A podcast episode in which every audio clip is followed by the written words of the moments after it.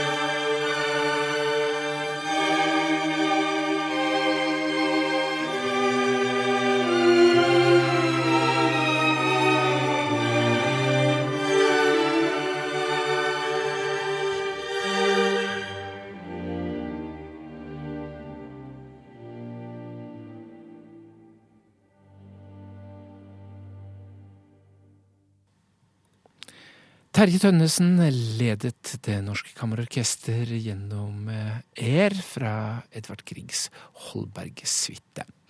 Her i Tidlig tonefølge skal pianist Steven Kovacevic eh, framføre musikk av Ludvig van Beethoven. Det er eh, sonate nummer 31 i Astur, opus 110, og vi hører han spille første sats.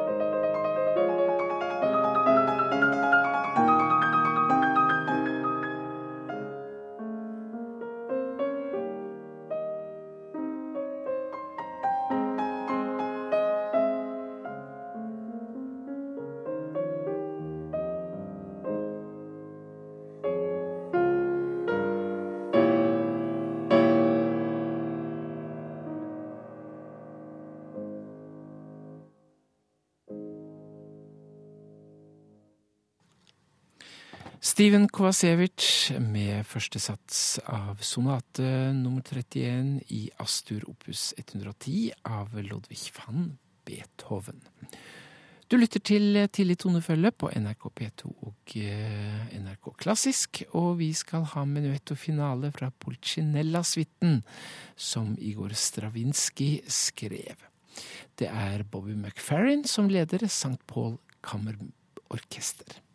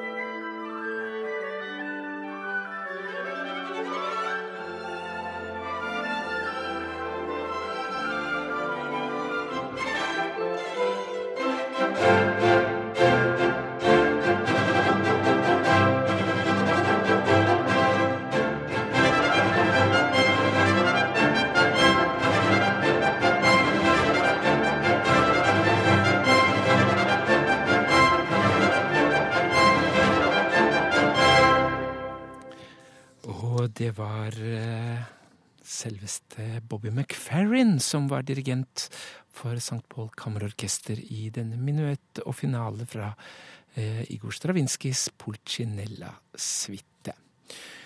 Du lytter til eh, Tidlig tonefølge på NRK P2 og NRK Klassisk, og jeg, Stein Eide, takker for meg med Roy Goodman og The Brandenburg Concert i eh, Johan Sebastian Bachs orkestersuite nummer én i C-dur, femte sats menuett.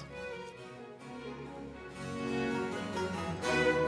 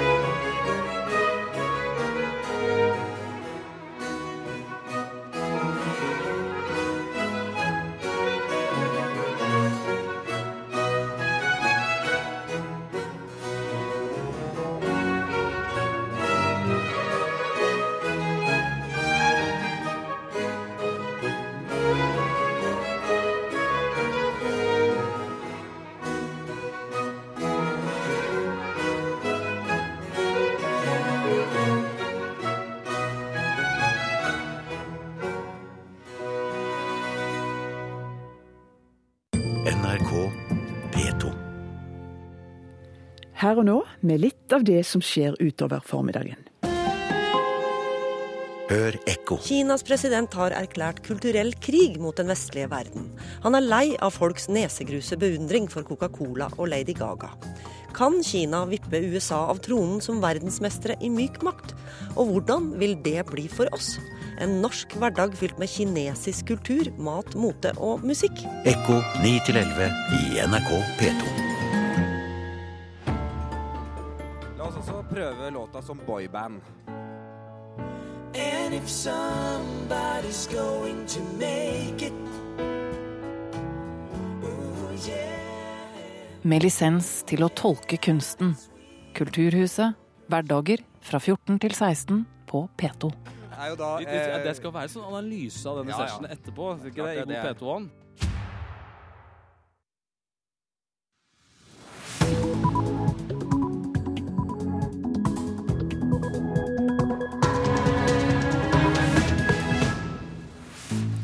Ja, dette er Nyhetsmorgen, og klokka er halv sju mandag 23. januar.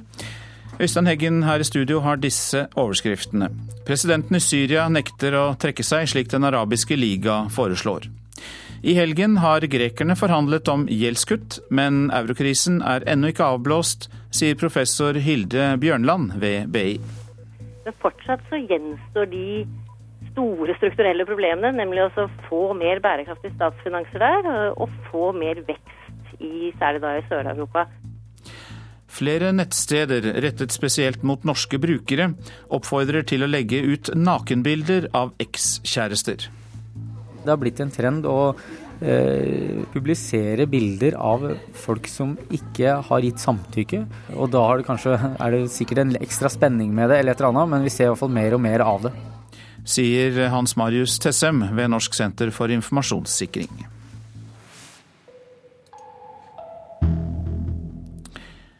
Utenriksministrene i Den arabiske liga stiller altså krav til at Syrias president Bashar al-Assad skal tre til side. Og ligaen krever videre omfattende reformer i landet.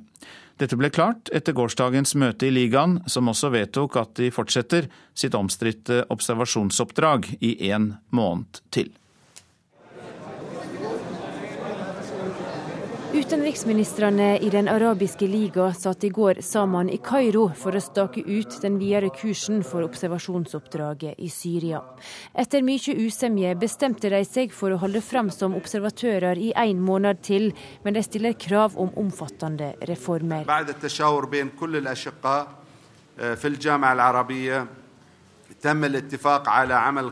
Etter å ha konsultert alle våre arabiske brødre i Den arabiske liga, har vi blitt samlet om en arabisk fredsplan for Syria. De viktigste punktene er at de nå må få en samlingsregjering, at president Bashar al-Assad gir fra seg makt til visepresidenten, at det blir holdt valg, og sist, men ikke minst, at det blir skrevet en ny grunnlov.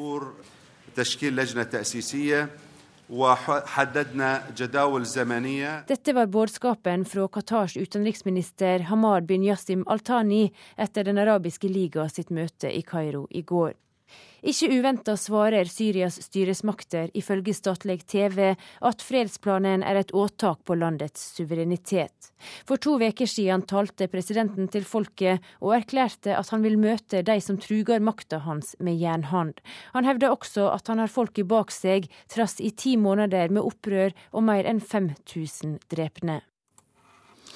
Og det sa reporter Ragnhild Eikenes. Eurokrisen den er ikke over, selv om grekerne forhandler om å kutte landets gjeld.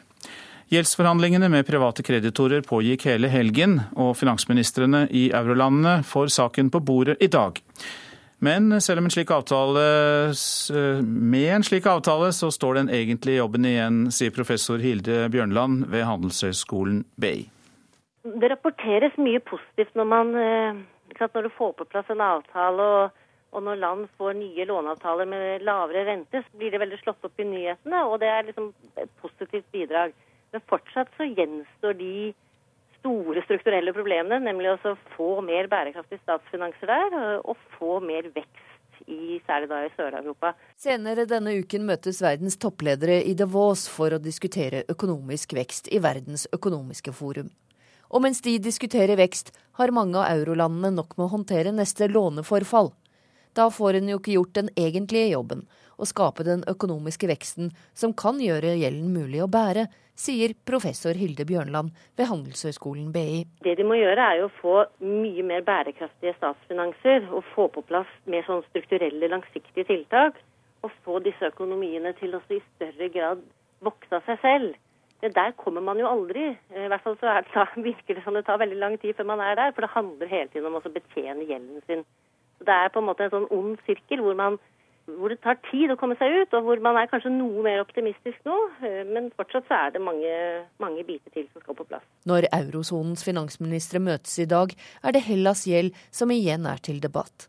I mange dager og hele helgen har greske myndigheter forhandlet med private långivere om restrukturering av gjeld. Men også EU og Det internasjonale pengefondet vil ha noe å si hvis de skal hjelpe Hellas med resten av kjempegjelden. For Å gi dem nok en pakke sånn at grekerne kommer videre. Altså nok en pakke med finansielle stønader, så, så, sånn at grekerne får orden på sine finanser. Sier analysesjef for kreditt i meglerhuset First, Paul Ringholm. Dersom forhandlingene lykkes, kan den greske gjelden bli kuttet med over 500 milliarder kroner. Ja, Oppstand har eh, tiltatt betydelig i positiv forstand den siste uka. Så um, det ser ut som det er en bra sjanse for at vi kan få en avtale kanskje i løpet av dagen. Men selv om det blir en ny avtale om kutt i deler av gresk gjeld, betyr ikke det at de egentlige problemene i Sør-Europa er nærmere en løsning. I forhold til det langsiktige så prøver man å komme på plass da med strengere budsjettstyring av eurosonelandene, som gjør at man i framtiden ikke skal havne i de her samme problemene igjen. Reporter Hedvig Bjørgum. Så til forsidene i avisene. Ny lov kan stoppe boka til Anders Behring Breivik, skriver Dagsavisen. Justisdepartementet vurderer å endre loven for å hindre at drapsmenn kan tjene penger på bøker om forbrytelsene sine. Jonas Gahr Støre er i tvil om norsk medlemskap, ifølge Klassekampen. Utenriksministeren er nå bare prinsipiell tilhenger av norsk medlemskap i unionen. Samtidig har ja-siden nådd et nytt bunnivå på avisas måling med 15,3 Én av fire kvinner er på diett, er oppslaget i Aftenposten. I alt er 30% av norske kvinner overvektige, men det er ikke nødvendigvis de som slanker seg. Hogst i nord kan gi klimagevinst, får vi vite i Nasjonen. Forskere har funnet ut at hogstflater i nordlige områder gir hogstflater som reflekterer tre ganger så mye energi som eh, hogstmoden skog. Og dermed gir det en kjølende effekt på klimaet. Velferden når ikke alle. Fem år etter at Jens Stoltenberg proklamerte at alle skal med, skriver Vårt Land. Det er 75 000 fattige barn og 18 000 papirløse innvandrere. Partiveteran Per Kleppe ber regjeringen satse mer på innvandrere, skoletapere og rusfamilier. Nord-Norges ukjente internasjonale stjerne pryder forsiden av Nordlys. Det er Amrita Ashaira fra Tromsø som spiller rollen som Irri i serien Game of Thrones, som vises på NRK3 og Kanal Pluss. Blakk og lykkelig er overskriften i Dagens Næringsliv. Det gikk fra en formue på 2,5 milliarder til ruin etter konkurs for IT-gründer Asker Jensby. Men nå er han altså lykkelig med 16 000 i månedsinntekt, og er daglig leder i Kongsvinger toppfotball. Bolig, rente og pensjon er forbrukeroppslagene i Dagbladet og VG i dag.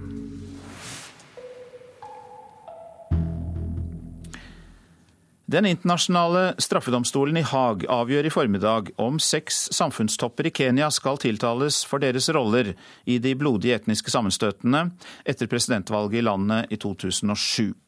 Minst 1100 mennesker mistet livet, og flere hundre tusen ble drevet fra hjemmene sine. To av disse samfunnstoppene er kandidater i det kommende presidentvalget, og da er det knyttet stor spenning til avgjørelsen i dag. Afrikakorrespondent Lars Sigurd Sunnanå i Nairobi. Hvilken konklusjon tror du Den internasjonale straffedomstolen lander på? Det er helt åpent. Retten kan komme til at bevisene som sjefanklageren Louis Moreno Camp har samlet og fremlagt, ikke er solide nok for at det skal reises tiltale mot de seks. Den kan komme til at de er sterke nok, enten i forhold til alle seks, eller iallfall én eller flere av dem, men å tippe konklusjonen blir ren gjetning før avgjørelsen kommer i Haag i formiddag. Hva kan følgende bli dersom de to presidentkandidatene da blir tiltalt? Spenningen er først og fremst knyttet til Kenyas finansminister og visestatsminister Uhuru Kenyatta, som er en av de seks som sjefanklager Okampo har i søkelyset. Kenyatta er sønn av Kenyas store frihetshelt og president Jomo Kenyatta, og er antagelig landets rikeste mann med en personlig formue på mellom 3 og 4 milliarder kroner.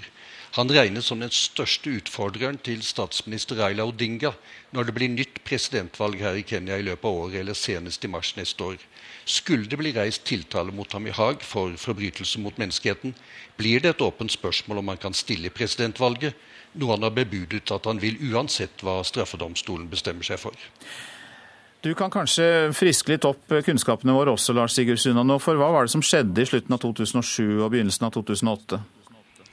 Det var et omstridt valgresultat som ga den sittende presidenten Mawai Kibaki seieren, som utløste de voldsomme etniske sammenstøtene tidlig i 2008. Kenya var da på randen av full borgerkrig, Med en internasjonal inngripen ledet av FNs tidligere generalsekretær Kofi Annan fikk de stridende parter til å stanse blodsutgytelsene og inngå et kompromiss der Kibakis utfordrer i valget, Raila Odinga, ble statsminister og ministerpostene delt mellom de forskjellige fraksjonene. Og som en del av dette kompromisset ble det avtalt at straffedomstolen skulle etterforske årsaken til volden, om ikke Kenyas eget rettsapparat kunne gjøre det. Noe de ikke gjorde, slik at Louis Moreno Kamp hans folk kom inn i bildet i stedet. Så hvordan har situasjonen i Kenya utviklet seg da siden uh, disse opptøyene og disse drapene? Det mest løfterike er at Kenya fikk en ny grunnlov i fjor, vedtatt i en folkeavstemning, basert på lovende demokratiske retningslinjer. Men nasjonen er fortsatt preget av vidtrekkende korrupsjon og sliter tungt med å få til en sterk økonomisk vekst som kan bringe majoriteten av landets innbyggere ut av alvorlig fattigdom. Takk skal du ha, Afrikakorrespondent Lars Sigurd Synano, da fra Nairobi. Nå til Egypt, for eh, der eh, sier eh, hans Hosni Mubaraks forsvarsadvokat at Mubarak fortsatt er president, og at det ikke var han, men de militære som hadde ansvaret for overgrepene under revolusjonen i Egypt. Det regjerende militærrådet har fått fortgang i saken mot Mubarak i forkant av årsdagen for starten på oppstanden mot den tidligere presidenten. Men det er ennå ikke satt noen dato for domsavsigelse. Frustrerte foreldre på Tahrir-plassen. De mistet sine barn under revolusjonen. De fleste av dem ble drept med skarpe skudd på den mest voldelige dagen i oppstanden mot Hosni Mubarak, tre dager etter at demonstranten samlet seg på Tahrir-plassen første gang, den 25. januar. En oppstand som mot alle odds skulle styrte den allmektige presidenten. Foreldrene til de drepte aktivistene krever dødsstraff for Mubarak og hans støttespillere, og er frustrert over manglende framdrift i rettssaken. Den tidligere presidenten rulles nå inn på båre hver eneste dag i en rettssal i utkanten av Kairo. Og advokat Farid El-Debid hevder at Mubarak ikke kan dømmes i denne sivile rettergangen, siden han ikke offisielt har gått av som president. Han skrev ikke selv under på sin avgang, hevder advokaten, og er derfor fortsatt statsleder i landet. Samtidig legger Eldebid skylden for volden på militæret. Han hevder at Mubarak ga ordre til militæret om å gjenopprette ro og orden, og at det var militæret som sto bak drapene og mishandlingene. I alt 850 mennesker ble drept i den drøye to uker lange oppstanden som ledet til presidentens fall. Han ble erstattet av et militærråd som fortsatt styrer landet. Amnesty International følger rettssaken tett. We have called for a fair trial for Mubarak. Mubarak is a defendant. Uh, his co-defendants are also uh, vi har fra begynnelsen sagt at vi ønsker en rettferdig rettssak mot Mubarak. Han er en tiltalt, akkurat som hans medtiltalte, og Amnesty er imot dødsstraff, som aktoratet har tatt til orde for, sier Mohammed Lofti, etterforsker for menneskerettighetsorganisasjonen til NRK i Kairo. Men samtidig understreker han at Amnesty også ønsker å se en rettssak som kaster lys over det som har hendt, og gir ofrene oppreisning. Og så langt har ikke rettssaken levd opp til det. Uh, that uh, sheds uh, light on the truth of what has happened uh, and that provides uh, remedy to the victims of the uprising. Uh, so far, we haven't we haven't seen all those elements coming to the trial is still ongoing, Uh, but uh, I think there is a lot of frustration around uh, how much the, the, the, truth has come up from this trial, how much justice is being delivered. Forsvarerne til Mubarak har fram til 16.2 for å legge fram sin versjon av saken. På den tiden skal også forsvaret til hans medtiltalte, de to sønnene Gamal og Allah, samt tidligere innenriksminister Habib el-Adli føres. Egypt går nå inn i en av sine viktigste uker på lenge. Rettssaken mot Mubarak skal fortsette. Det nyvalgte islamistdominerte parlamentet møtes for første gang senere i dag. Og onsdag er det 25. januar, årsdagen for starten på oppstanden mot Mubarak. Mange grupper og politiske partier har tatt til orde for markeringer og nye demonstrasjoner. Sigurd Falkenberg Mikkelsen, Kairo. Ja, du lytter til Nyhetsmorgen, og klokka den nærmer seg kvart på sju. Vi har disse hovedsakene.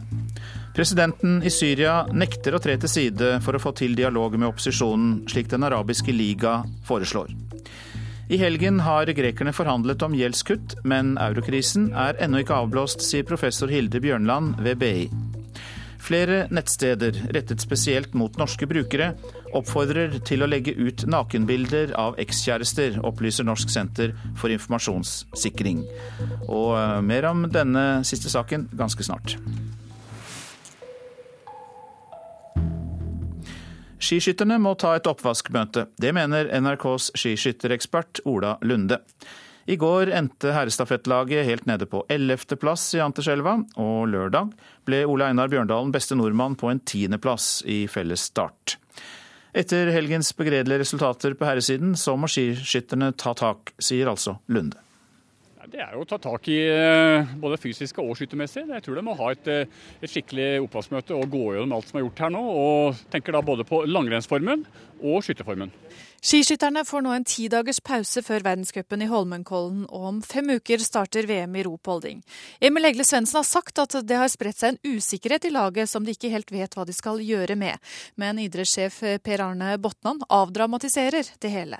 Nei, altså jeg synes det er eh, klart Man lov å være litt sånn usikker etter denne helga her, men som sagt, vi skal ikke mer enn to uker tilbake, så, så har vi prestasjoner som både er i verdenstoppen. altså eh, og eh, jeg tror vi bare må, må ta tak alle mann, og eh, så er vi tilbake allerede til Kollen. Og når VM starter i slutten av februar? Ja, jeg tror Norge skal bli den beste nasjonen når vi kommer til VM i rupolding. Ja, optimismen var ute og gikk der. Reporter Marianne Kvamme Amengual. Minst én norsk bedrift blir etterforsket av Politiets sikkerhetstjeneste PST for å ha handlet med Iran, trass i sanksjonene mot landet. Den norske handelen med Iran har stupt etter at nye sanksjoner ble innført, men Toll- og avgiftsdirektoratet bekrefter at de har min meldt minst én bedrift for brudd på regelverket, skriver Bergens Tidende. Bransjeorganisasjonen Fagpressen anklager Posten for grov overfakturering. Det skriver Dagens Næringsliv. Blader som Jakt og fiske og Forbrukerrapporten blir brakt til abonnentene av Posten, men fagpressen mener at Posten har tatt betalt for tjenester som bladene ikke har brukt. Ifølge bransjeorganisasjonen er overfaktureringen på 300 millioner kroner og skal ha foregått siden 2006. Nå skal vi høre at eh, det er strid rundt tilbudet til ungdom med tunge psykiske lidelser. For de har hatt et tilbud ved Møllehagen skole i Stavanger som har fungert godt. Men nå skal ungdommene flytte, og foreldrene er bekymret. Fylkeskommunen lover imidlertid at tilbudet ikke skal forsvinne. Du ser inn da i selve undervisningsrommet, så, så er de ganske små. Det er ikke plass til veldig mange folk der. Rommene på Møllhagen skole i Stavanger er ikke store. Men her har ungdommer med psykiske lidelser oppnådd både faglig og personlig fremgang. Nå kan tilbudet forsvinne fra skolen. Som foreldre så må vi si det er på den måten at vi rett og slett er livredde for at tilbudet blir nedlagt. Tor Kjetil Larsen og resten av foreldrene er urolige. I morgen skal tilbudets videre eksistens på skolen opp til vurdering. Det er det vi er redde for at skal skje. Han legger ned et virksomt opplegg før en er sikre på at noe tilsvarende kan overta. Og det kan vi rett og slett ikke akseptere. Foreldrene er samla for å tale sine ungdommers sak. De frykter for ungenes helse dersom ungdommene blir flytta fra Møllehagen ressurssenter til et nytt bygg i nabokommunen Sandnes. Ungdommer med psykoselidelser, depresjon, angst og fobier, men med gode evner. Det er jo nettopp det at det å oppleve å få til det som alle andre får til. Det sier Gro Larsen, som er mor til en av elevene. Her har en faktisk eh, hatt et tilbud som eleven klarer å møte opp til. Altså En har en struktur, en har en organisering. De ansatte her har kompetanse, de har eh, det som skal til for å, å klare å gi disse tilbud. De har en tett oppfølging eh, faglig med undervisning. Eh, det er rett og slett eh, noe som elevene våre har klart å gå på. Foreldre er redd tilbudet skal bli innlemma i en videregående skole, en løsning ungdommene ikke har klart tidligere. Derfor vil ikke foreldrene at ungdommene skal være prøvekaniner for en ny ordning. Prøvekaniner kan jeg vanskelig forstå at de kan bli. Altså, det må jo i så fall være det rent fysiske. Sier fylkesdirektør for utdanning Magne Nesvik. Prøvekaniner det ville jo vært hvis det var slik at vi virkelig prøvde å legge dette inn i en videregående skole, men det gjør vi ikke. Altså, Vi har tatt de beskrivelsene vi fikk før jul når denne saken var oppe, om at dette er elever som faktisk har behov for å være noe mer isolert, det har vi tatt fullt ut på alvor. Vi syns jo vi har lagt et tilbud som faktisk er bedre enn det de har i dag. Fylkeskommunen har vedtatt at tilbudet for denne gruppen skal prioriteres mer enn før, men spørsmålet er hvor skal det plasseres? Diskusjonen har pågått lenge. En uheldig vingling for en allerede sårbar gruppe, mener foreldrene. Vi ser at gjerne, de, de, kan tenke mye på dette. De kan uttrykke at det er uklart usikkert. Det gir en uforutsigbarhet eh, som gjør at de eh, kan reagere òg med økte symptomer i forhold til sine psykiske lidelser. Dette er en gruppe elever som i utgangspunktet ikke skal ha for mye stress av denne typen. Og vi vil allerede anklage de ansvarlige her for at det er etablert unødvendig stress for ungdommene. Det går rykter om at skolen skal bli nedlagt, og det er rett og slett uheldig i forhold til deres motivasjon til å gå her. Jeg vil si at Dette er jo faktisk etableringen av tilbudet. Vi har ikke hatt dette tilbudet formelt sett før. Nå får fylkestinget anledning til å vedta det, og stort sikrere kan det ikke bli enn når det er vedtatt av fylkestinget i Rogaland fylkeskommune. Og det skal det bli denne gang. Sier fylkesdirektøren, og lover at ungdommene skal ha lokaler som er avskjerma, sånn som de har det i dag.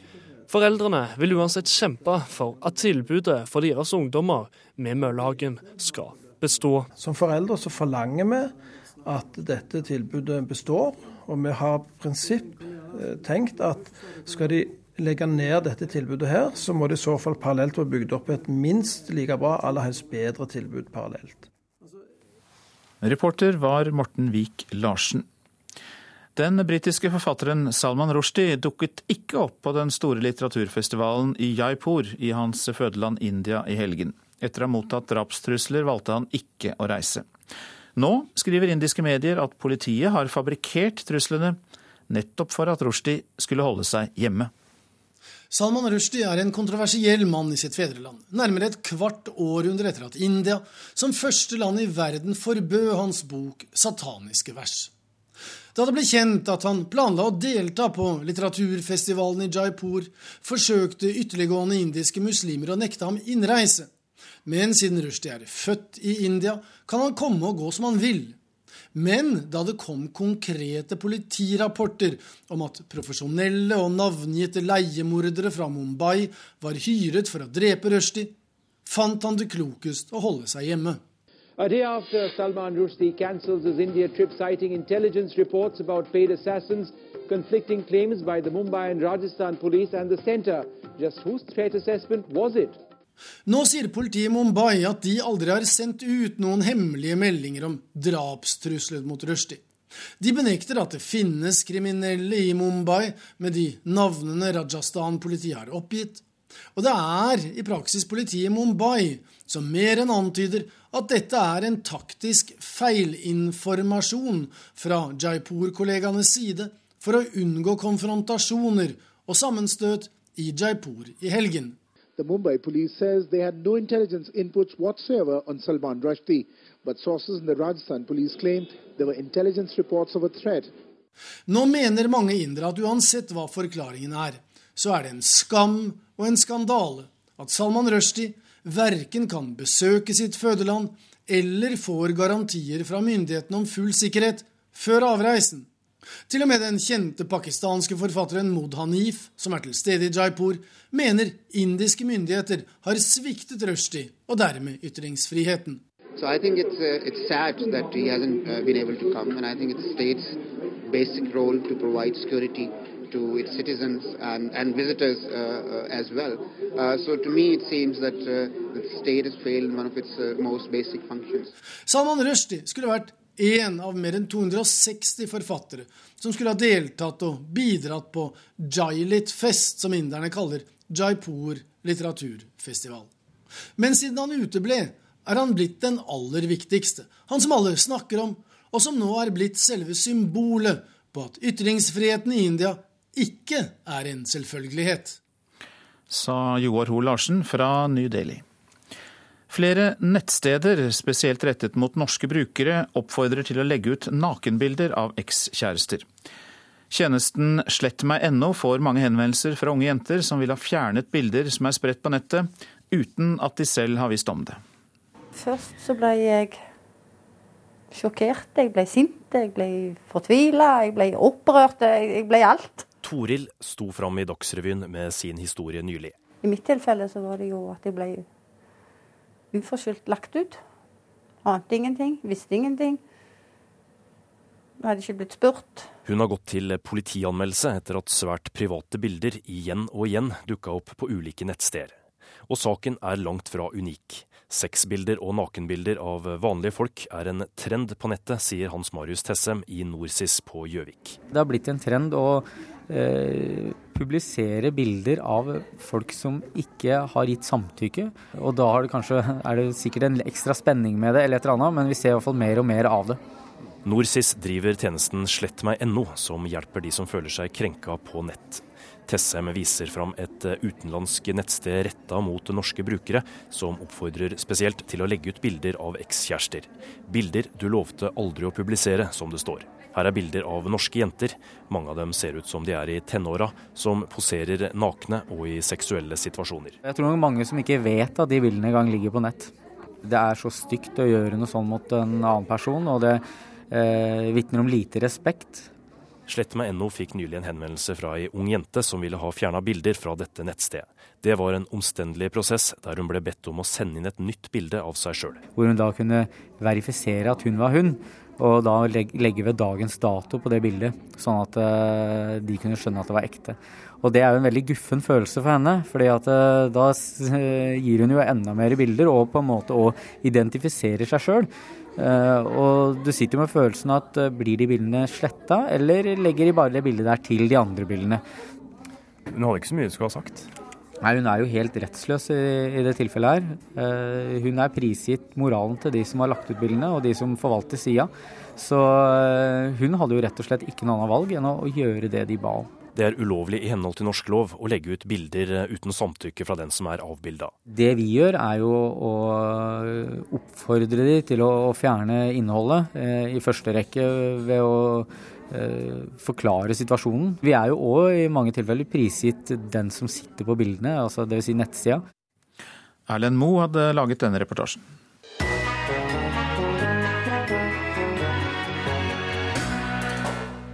I dag sender kineserne opp sine nyttårsraketter når de feirer starten på dragens år.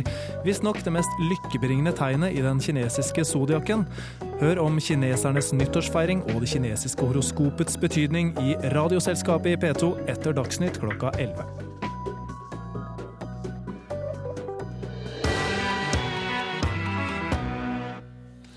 Og vi skal ta for oss været fram til midnatt. Fjell i Sør-Norge. I Langfjella snø av og til, ellers mye pent vær. Østlandet får litt snø i vest først på dagen, men ellers opphold. Aust-Agder og Telemark snø av og til, står det bare der. Vest-Agder østlig liten kuling i vest, snø og i kveld lettere vær. Rogaland sørøst til dels stiv kuling på kysten og snø. Fra i ettermiddag sørøst frisk bris og oppholdsvær. Hordaland får sørøst til dels stiv kuling på kysten. Fra i ettermiddag frisk bris, litt kuling i nord og snø av og til. Sogn og Fjordane sørøst til dels stiv kuling på kysten og snø. Fra i ettermiddag sørlig liten kuling og avtagende nedbør. Møre og Romsdal på Sunnmøre snø av og til og ellers til dels pent vær. Trøndelag liten kuling i nord, på kysten litt snø, ellers opphold og til dels pent. Helgeland, Saltfjellet, Salten og Ofoten kan hende liten kuling på kysten, men eh, til dels pent vær. Lofoten og Vesterålen stort sett pent, etter hvert snøbyger i vest. Troms stort sett pent vær i det fylket, og kyst- og fjordstrøkene i Vest-Finnmark får litt snø, fra i ettermiddag sørvest liten kuling. Kyst- og fjordstrøkene i Øst-Finnmark og Finnmarksvidda. Snø, i ettermiddag øking til sørlig liten kuling utsatte steder. I kveld stiv kuling i nord og opphold. Spitsbergen liten kuling i sør, litt snø i øst, ellers mye pent vær.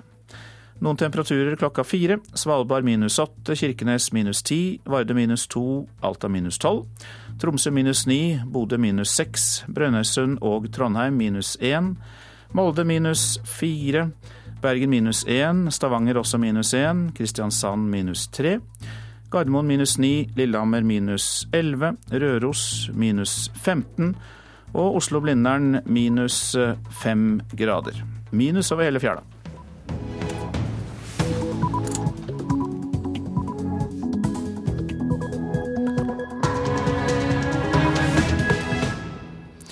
Da er klokka blitt eh, sju, og du lytter til eh, NRK P2s Nyhetsmorgen. Her er Øystein Heggen i studio i dag med denne nyhetsoppdateringen. Regjeringen vil gjøre det dobbelt så dyrt å kjøre gjennom bomringene i rushtida. NRK vet at dette er et kontroversielt forslag på bordet i arbeidet med regjeringens klimamelding. Reporter Lars Nehru Sand var det som sa det. Det er håp om at Hellas får ettergitt mer gjeld. Og Det gjør at da er det håp for dem at de skal komme ut av det her. Og i tillegg så får de da utbetalt penger fra IMF og EU, som gjør at de ikke misligholder sine obligasjoner i, eh, i mars. Sier kredittanalysesjef Pål Ringholm. Presidenten i Syria nekter å gå av, slik Den arabiske liga foreslår. EU-landene møtes i dag for å avgjøre om de skal innføre nye sanksjoner mot Iran. Og første runde av presidentvalget i Finland ble avholdt i går. Konservative Sauli Ninistø fikk 37% av stemmene. Ja, staten bør kunne pålegge kommunene å innføre rushtidsavgift. Det er et kontroversielt forslag som blir vurdert som del av regjeringens klimamelding. En slik avgift vil gjøre det dobbelt så dyrt å kjøre gjennom bomringene. Jeg har dessverre ikke mulighet for det pga. det er barnehagehenting og bringing og sånt som gjør det umulig for meg, så jeg må ta bil uansett. Uansett hvor dyrt det blir. Dobbel pris i bompengeringen forandrer ikke behovet. Bilen trengs på vei til og fra jobb. For meg er det veldig tungvint å ta kollektivt. Det tar mye lengre tid enn å kjøre bil.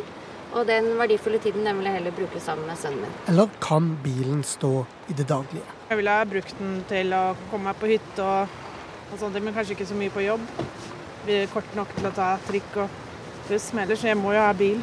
Så langt omtalt som en storbypakke til satsing på kollektivtiltak og sykkelveier, vurderer de rød-grønne å tvinge byene til å innføre rushtidsavgift. NRK vet at dette er et kontroversielt forslag på bordet i arbeidet med regjeringens klimamelding. De rød-grønne og de ulike departementene er splittet. Samferdselsbyråd for Venstre i Oslo, Ola Elvestuen, rister på hodet. Dette bør fortsatt være en eh, lokal avgjørelse. Han ser seg rundt blant pendlerne på Oslo S og begrunner. Nå har vi satt opp prisen også i bomringen. Vi har bygget opp et godt eh, kollektivtilbud. Det er begrensninger også ved sentrum når det gjelder eh, parkering. Her sånn er det en rekke forskjellige tiltak som må spille i sammen. Dette er vi best til å vurdere lokalt selv i morgentimene mellom nå klokken syv og ni, på ettermiddagen mellom tre og fem, dobles prisen i bomringen i rød-grønne Trondheim. Rushtidsavgift virker, sier busspassasjer og varaordfører Knut Fagerbakke. Miljøpakken har jo vært en ubetinget suksess i forhold til å få redusert biltrafikken eh, inn mot Trondheim sentrum. Et klimatiltak andre byer bør følge opp, sier SV-politikeren. Ja, altså Når vi kan vise til et resultat i Trondheim på over 10% reduksjon i biltrafikken eh, per år, over 10% økning i kollektivtrafikken per år, så kan ikke jeg se noe bedre argument for å få redusert CO2-utslippene fra eh, biltrafikk enn at det blir innført uh, rushtidsavgift. Men selv denne entusiasten har en hilsen til sine rød-grønne venner i regjeringskvartalet. Jeg for min del liker ikke tvang fra staten. Jeg liker ikke det. Og eh, Samferdselsdepartementet er eh, gitt anledning til å kommentere saken, men ikke gjort det. Reporter Lars Nehru Sand. Det finnes andre og mer effektive miljøtiltak enn rushtidsavgift for å redusere utslippene fra trafikken, sier forsker Harald Minken ved Transportøkonomisk institutt. Men han tror likevel at innføring av rushtidsavgift vil være positivt for byene. Det er en fin avgift sånn sett for å redusere skadevirkningene av lokal luftforurensning. Men uh, det er ikke, dette er ikke noe som bør lanseres som et uh, miljøtiltak? Nei, altså det har, det, først og fremst så har det til hensikt å gjøre eh, transportsystemet mer fornuftig, for å si det slik. I annen omgang så har det også miljøvirkninger. Men hvis en snakker om klima f.eks., så er det andre avgifter som er betydelig mer fornuftige. Bilavgifter, bensinavgifter som går direkte på forbruket av fossile brennstoff. For at en rushtidsavgift skal innføres, er det viktig at kollektivtilbudet også blir forbedret. Minken viser til Stockholm, hvor kollektivtrafikken ble bygget ut seks måneder før rushtidsavgiften ble innført. Når avgiften så kom, var terskelen lavere for å reise kollektivt. Skal dette skje i Norge, må kollektivtilbudet bygges ut, sier Minken. Det er nødvendig å gjøre, og det vil også da være med på å gjøre rushtidsavgifta mer effektiv. Du lager et godt kollektivtilbud som et alternativ, gjør at du kan nøye deg med en relativt liten avgift på veien og allikevel oppnå en merkbar forbedring. De to tingene, kollektivtilbudet og rushtidsavgift, henger veldig fint sammen. Forsker Harald Minken i Transportøkonomisk institutt, reporter Iver Kleiven. Og så til deg, Bård Hoksrud. Du er nestleder i Stortingets transportkomité og representerer Fremskrittspartiet. Ja, fra Trondheim så hørte vi om en ubetinget suksess. Hva syns du om rushtidsavgift? Jeg tror det er viktig å ha med seg hvem som sier at dette er en suksess. Og det er klart SV de er opptatt av å flytte folk over fra bilen og til kollektivtilbudet. Men jeg har lyst til å si, når man liksom hele tida trekker fram Stockholm som det store, flotte prosjektet, så har de altså putta inn 3 milliarder kroner mer i kollektivtilbudet sitt. Og rushtidsavgifta er fra 10 til 20 kroner. Det betyr altså langt lavere enn det bompengesatsen er f.eks. i Oslo, hvor den er 26 kroner og 13 kroner hvis du kommer vestfra. I tillegg så er det viktig å ha med seg at i rushtida i Oslo så bruker 80% kollektivtilbudet. Det betyr at dette er jo ikke tiltak som vil fungere. Dette er tiltak fra en regjering som har spilt fallitt. Det vi må gjøre, og det Stockholm har gjort, de har bl.a. bygd ringvei rundt sentrum, sånn at mange av de som skal videre og ikke skal innom, innom sentrum, kan få lov å kjøre rundt. Og Det er jo problemet i Oslo, at mange som skal videre nedover på kontinentet, de må altså kjøre gjennom Oslo sentrum. Og på den måten så får man mye av det trafikkaoset og, og problemene vi har i Oslo. Men eh, bare for å ta det, det er vel ikke så mange i rushtida som driver med denne kjøringa gjennom Oslo for å komme til kontinentet akkurat? Det er vel mest pendlere som skal inn til byen som er problemet her, og som man må få redusert eh, antallet på? Det er klart at det er mange pendlere som, som står og trykker på, men det er også masse lastebiler. Jeg kommer selv fra Telemark, så når jeg kjører innover på morgenen, så ser jeg utrolig mange biler som sannsynligvis ikke skal til Oslo, men som skal videre nedover. Så dette er et utrolig dårlig tiltak. Jeg tror man heller burde satse på å bygge ut kollektivtilbudet, og så bør man sørge for å bygge ut veinettet, sånn at bilene ikke står og stanger i kø, for det handler også om miljøpolitikk. Men eh, hva syns du om at man kan avgjøre dette lokalt, slik de da har gjort i eh, Trondheim? Gi dem friheten til å bestemme dette på egen hånd? Jeg mener definitivt ikke at det er noen god løsning at det er staten som nå skal påtvinge kommunene. For det med å drive tvang, det er ofte en veldig dårlig løsning. Men er det ikke da, hvis vi ser stort på det, en fordel for både bilister og miljø at vi sprer trafikken? At dette med en rushtidsavgift betyr at OK, jeg starter litt tidligere eller jeg utsetter denne kjøringa. Vi får spredt det mer, og det fungerer mer fleksibelt for alle parter. Men utfordringa for de fleste er at veldig mange er avhengig av å være på jobben til et spesielle tidspunkter, og det betyr at de ikke har noen mulighet til å komme seg unna dette.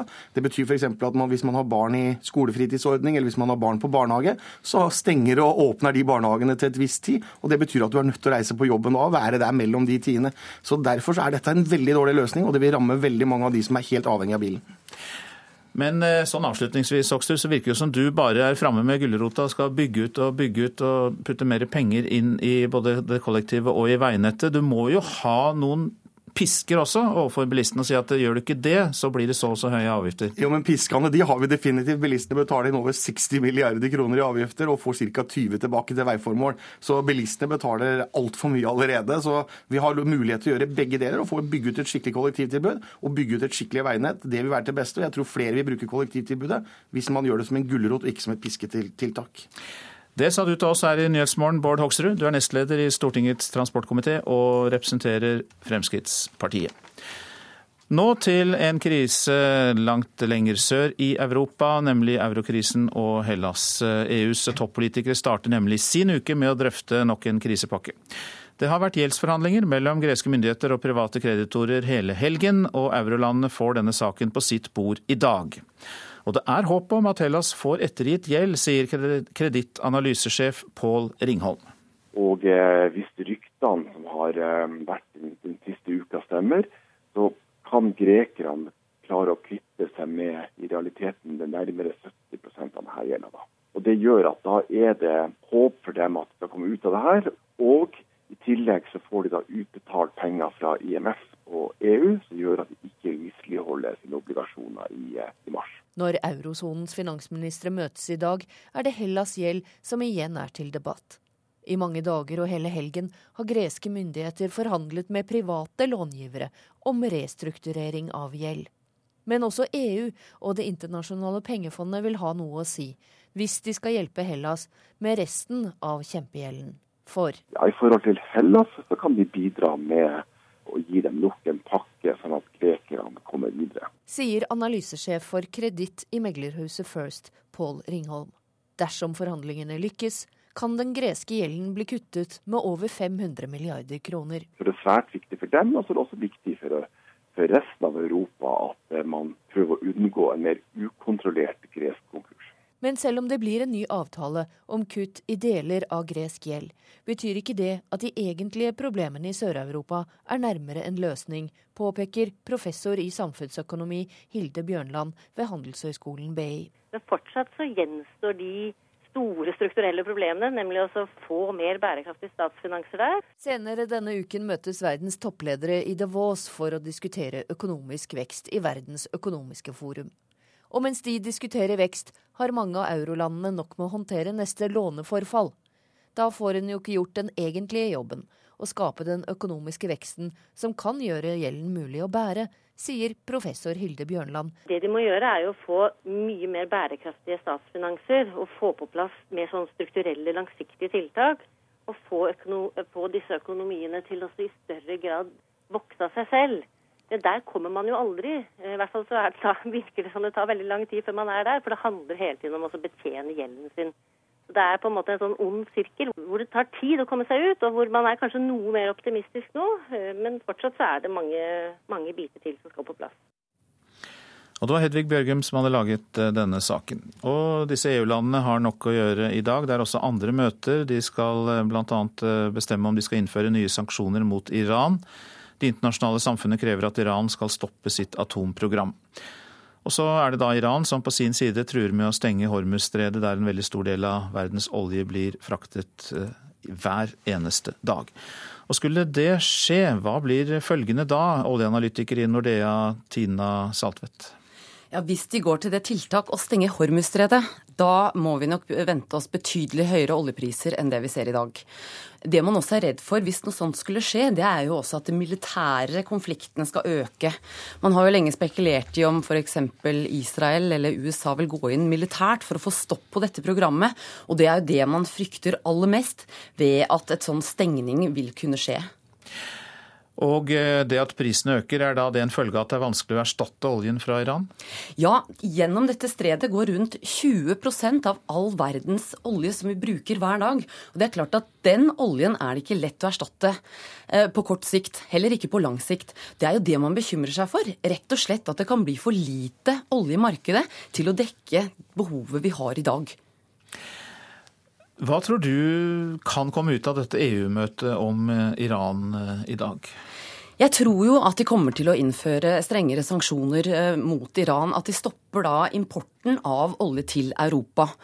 Og det får jo spesielt da store konsekvenser nettopp for land som sliter med den økonomiske utviklingen, sånn som Hellas, Spania og Italia. Det Hellas er jo stort sett det landet som har vært mest mot sli, en slik sanksjon eller en stopp på import av olje, nettopp fordi at de vil ha lengre tid til å kunne erstatte den oljen fra andre produsentland som de i dag importerer fra nettopp Iran. Sånn at eh, det blir nok sannsynligvis en eh, sanksjon eller en boikott, men når den kommer til å innføres, er det uenighet om. Og så har vi annerledeslandet Norge, da. For da vil det virke inn på norske oljepriser og norske inntekter? Det er klart at når oljeprisen holder seg såpass høy, så vil jo det gi mer penger til norske statskasse. De vil gi oss mer penger til pensjonsfondet vårt, og de gir oss, oss noe rommere budsjetter også fremover. Eh, men på litt lengre sikt så ønsker jo heller ikke Norge at eh, våre handelspartnere skal slite altfor mye økonomisk med en veldig høy oljepris, slik at oljeprisen bør ikke bli for høy. Ikke stort over 100 dollar fatet, slik at både produsenter får mer enn nok av det de trenger for å dekke utgiftene med produksjon, men også at det ikke skal påvirke for mye for de store importlandene. Sånn avslutningsvis, Tina Saltvedt. Jeg syns det var litt høye oljepriser i helgen. Er dere allerede dette tatt inn litt i prisene, at de ligger litt høyere nå enn de har gjort de siste ukene? Ja, Vi ser jo på behovet for olje. Det er jo noe svakere nå enn det det har vært tidligere pga. at det er store økonomiske problemer. og Da bruker man ikke like mye olje, for det er mindre aktivitet i økonomien. Eh, men pga. at markedet nå frykter at noe kan skje med tilgangen på olje, nettopp pga. dette som skjer rundt Iran og urananrikingsprogrammet deres, så har nok oljeprisen økt med rundt 6-10 dollar fatet, bare pga. at man er bekymret for at det ikke skal bli nok olje om en tid fremover. Det ser vi på pumpeprisen, og det hører vi om her i Nyhetsmorgen. Mange takk skal du ha, oljeanalytiker i Nordea, Tina Saltvedt. Ja, Du lytter til Nyhetsmorgen. Klokka passerte nettopp kvart over sju. Vi har disse hovedsakene. Kjøring i morgenrushet kan bli dobbelt så dyrt som i dag dersom det blir rushtidsavgift. Syrias president nekter å gå av, slik Den arabiske liga krever. Mer om dette ganske straks. Mange unge jenter ber om hjelp etter å ha funnet nakenbilder av seg selv på nettet. For presidenten i Syria nekter å trekke seg, slik Den arabiske liga foreslår. Utenriksministeren i Den arabiske liga krevde i går at Syrias president Bashar al-Assad trer til side og åpner for en dialog mellom regjeringen og opposisjonen innen to uker. Og de krever også valg og ny grunnlov i Syria. Midtøsten-korrespondent Sigurd Falkenberg Mikkelsen, hva forteller det at Assad allerede er ute og avviser dette? Ja, nå er det ikke Assad selv som har gjort det, men en av presidentens tjenestemenn som har uttalt seg på syrisk fjernsyn og sier at den arabiske ligaplanen er eh, en innblanding i indre anliggende. Og Det er jo ikke særlig overraskende. og De arabiske fredsplanene hviler jo hele veien på at eh, regimet er villig til å gå i dialog, vise tegn til kompromiss. Eh, men med noen kosmetiske unntak så har det vært lite å se av det. Eh, sånn at eh, Den arabiske liga har fra begynnelsen av kalt opposisjonen både væpnede gjenger og terrorister, så at ikke de er villige til å gå inn i en den type samlingsregjering slik Den arabiske liga foreslår, eh, det er ikke så veldig underlig. Det er jo en skikkelig ønskeliste fra Den arabiske liga her, med frie valg og ny grunnlov og dialog. Hvor realistisk er alt dette? Ikke veldig realistisk, og i hvert fall ikke innen denne tidsrammen. Eh, men Den arabiske liga har heller ikke noe lett eh, oppdrag. Den prøver å finne en politisk løsning på en konflikt som i økende grad eh, virker å bli, være militær. De skal også veie mange motstridende hensyn, særlig da internt mellom de arabiske landene. Og så har de til syvende og sist ganske få pressmidler. Nå har jo dette observatørkorpset fra Den arabiske liga hatt svært liten tillit blant Syrias opposisjonelle. Tror du at disse kraftige reformkravene mot myndighetene vil endre på det? Altså, Den syriske opposisjonen har jo ønsket eh, denne, eh, denne, fredsplanen velkommen. Eh, det gjorde de også forrige gang Den arabiske liga gikk ut med en lignende type ambisiøs plan. Men vi så jo at den ikke ble fulgt opp i noe særlig grad i praksis. Dette observatørkorpset har de bestemt seg for å forlenge tilstedeværelsen sin på. Eh, men Saudi-Arabia har bestemt seg for å trekke seg fra oppdraget. Eh, og det viser jo at eh, oppdraget etter hvert mister kraft og legitimitet. Nå kommer det jo også ønsker fra Den arabiske liga om mer hjelp fra det internasjonale samfunn. Hvordan skal vi tolke det? Ja, Det virker som de prøver å veie forskjellige hensyn internt i organisasjonen. Vi har hørt fra f.eks. Qatar, som er det mest Eh, pådrivende landet når det gjelder å få, eh, få bl.a. arabiske soldater inn. Eh, at de ønsker en, en, større internasjonal tilstedeværelse også. Men samtidig så er det ikke noen særlig arabisk vilje mot å dra inn verdenssamfunnet i dette her. Og så hviler det også da på Russland og Kina, som har støttet Syria i tykt og tynt i FN. Men sånn som jeg forstår fra mine kilder, så har russerne vært, også vært svært tungt inne i denne planen som nå er lagt fram. Mange takk skal du ha, Midtøsten-korrespondent Sigurd Falkenberg Mikkelsen, som rapporterte fra Kairo. Nå til Ungarn, for der har det i helgen vært demonstrasjoner både for og mot regjeringen. I går møtte 10 000 mennesker opp for å protestere mot de nye medielovene, som de mener fører til politisk kontroll. På lørdag møtte samtidig over 100 000 opp for å støtte regjeringen, som de mener er blitt urettferdig kritisert av EU.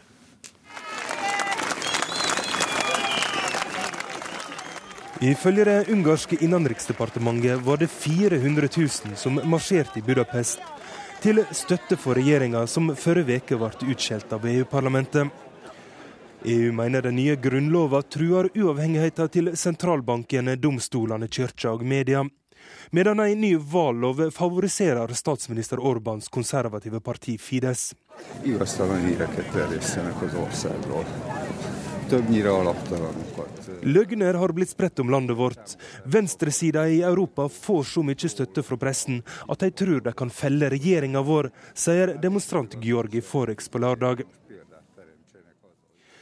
EUs økonomikommissær Olli Rehn truer nå Ungarn med at de ikke vil få sårt tiltrengt krisehjelp før de garanterer uavhengigheten til sentralbanken. Og fredag ga Orban etter, og sier han nå vil skrote planene om å slå sammen sentralbanken og Finanstilsynet. Men mange av de som sang patriotiske sanger lørdag, mener EU driver med politisk utpressing.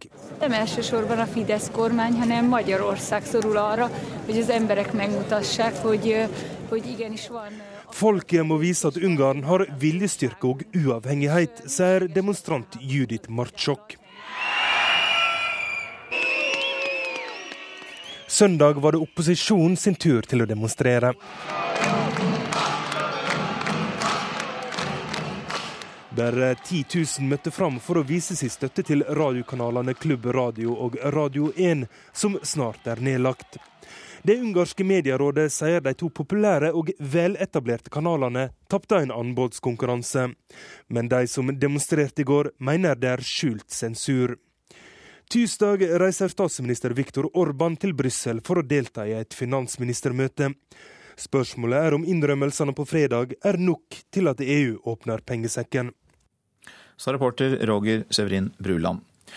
Første runde av presidentvalget i Finland ble avholdt i går, og konservative Sauli Ninistø dro det lengste strå med 37% av stemmene. På andreplass kom De grønnes kandidat Pekka Håvisto. Eh, Morten Jentoft, du følger valget i Finland, og eh, ja, det var jo mange som ventet at Ninistø skulle vinne, men så ble det nærmest eh, målfoto for annenplassen? Ja, Det ble en veldig spennende valgkveld her i Helsingfors i går. Og det var eh, lenge helt jevnt mellom eh, Senterpartiveteranen Pavo Baurinen og den store overraskelsen i dette valget, De grønnes kandidat Pekka Havisto.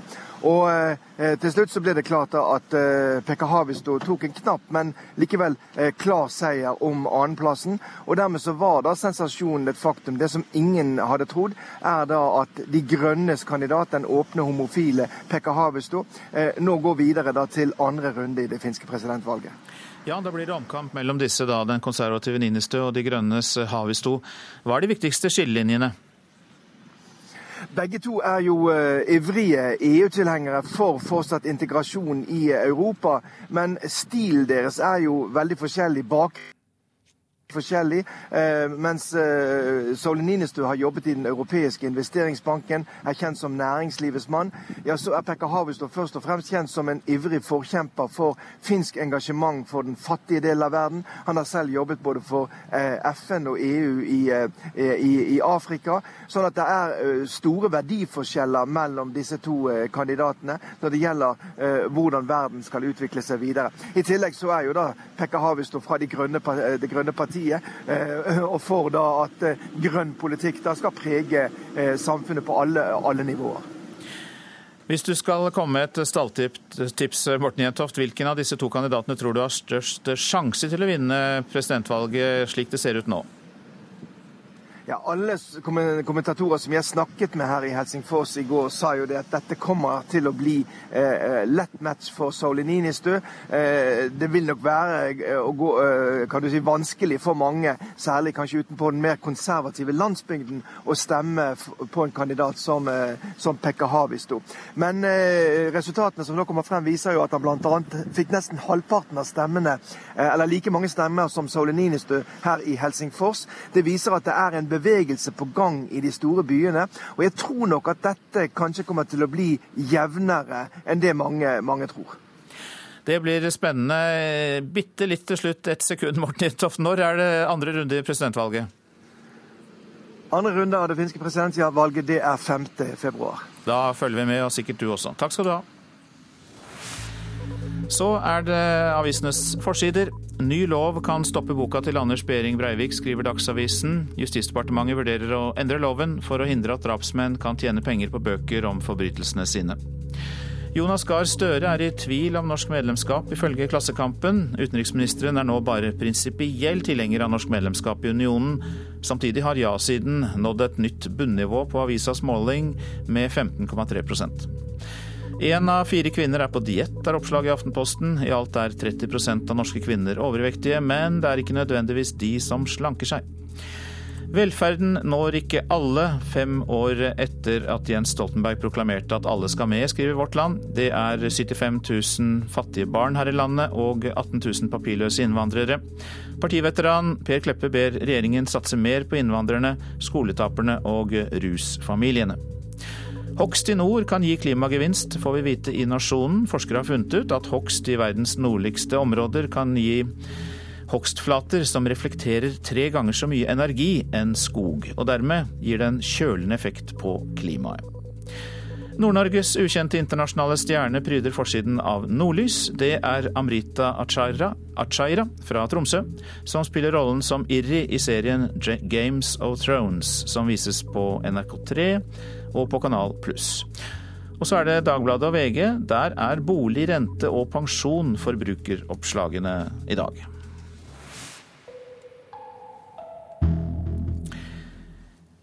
P2s Nyhetsmorgen fortsetter med Morgenkåseriet. Det er i dag ved journalist og forfatter Agnes Ravatn. Jeg reagerte med like bunnløs sorg på beskjeden om at Morgenkåseriet skal nedlegges, som alle andre. Men i motsetning til de andre gråtekonene av begge kjønn, er jeg en konstruktiv og løsningsorientert person som tar NRK sine økonomiske utfordringer på alvor. I dag og i morgen vil jeg derfor bruke mine siste kåseri på å presentere to sjølutvikla forretningsideer for NRK-ledelsen. Den første forretningsideen er et programkonsept basert på vinterens store samtaleemne. Det er tydeligvis ei enorm og helt genuin interesse for psykiatri her til lands. Og dette må NRK utnytte kommersielt. Når én terrorist kan framkalle så mange meninger om en rettspsykiatrisk rapport, tenk hvor mye underholdning andre kjendiser sine sinnstilstander vil skape. Det var dette som ga meg ideen til programmet Vis meg din diagnose, et program som kan gå som lørdagsunderholdning på NRK1 for hele familien. Her vil et team av psykiatere stille en diagnose på en av våre mest folkekjære kjendiser, veke etter veke. Ta godt imot kveldens gjest, hele Norges Hilde Hummelvold, eksempel. Eller hele Norges Ola Borten Moe. Eller hele Norges Frode Grytten. Og så videre. Å få stilt en slik diagnose vil være oppklarende for offentligheten, men ikke minst nyttig for kjendisen sjøl. Å ja, så jeg er faktisk psykotisk. Det skal jeg jammen ha i bakhovedet heretter.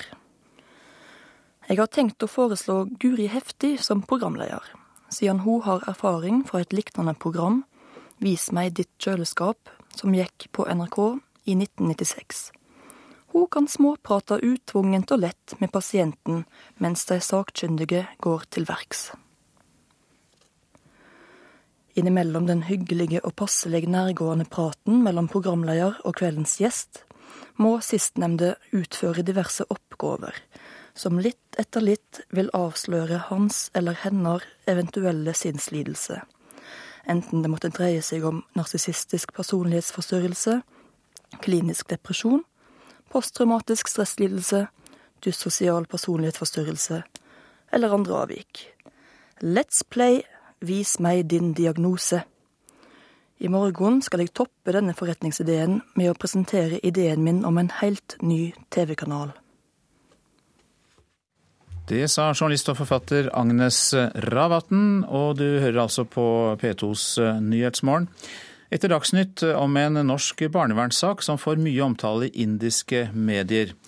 For eh, der beskylder de norske myndigheter for å mene at indisk eh, barneoppdragelse er eh, mishandling.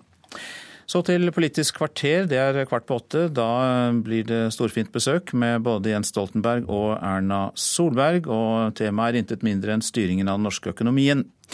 Prosent for Nyhetsmorgen, Ulf Tannes Fjell. Her i studio, Øystein Heggen. Hør ekko. Kinas president har erklært kulturell krig mot den vestlige verden. Han er lei av folks nesegruse beundring for Coca-Cola og Lady Gaga. Kan Kina vippe USA av tronen som verdensmestere i myk makt? Og hvordan vil det bli for oss? En norsk hverdag fylt med kinesisk kultur, mat, mote og musikk? Hør Ekko mandag. Ekko 9 11 i NRK P2.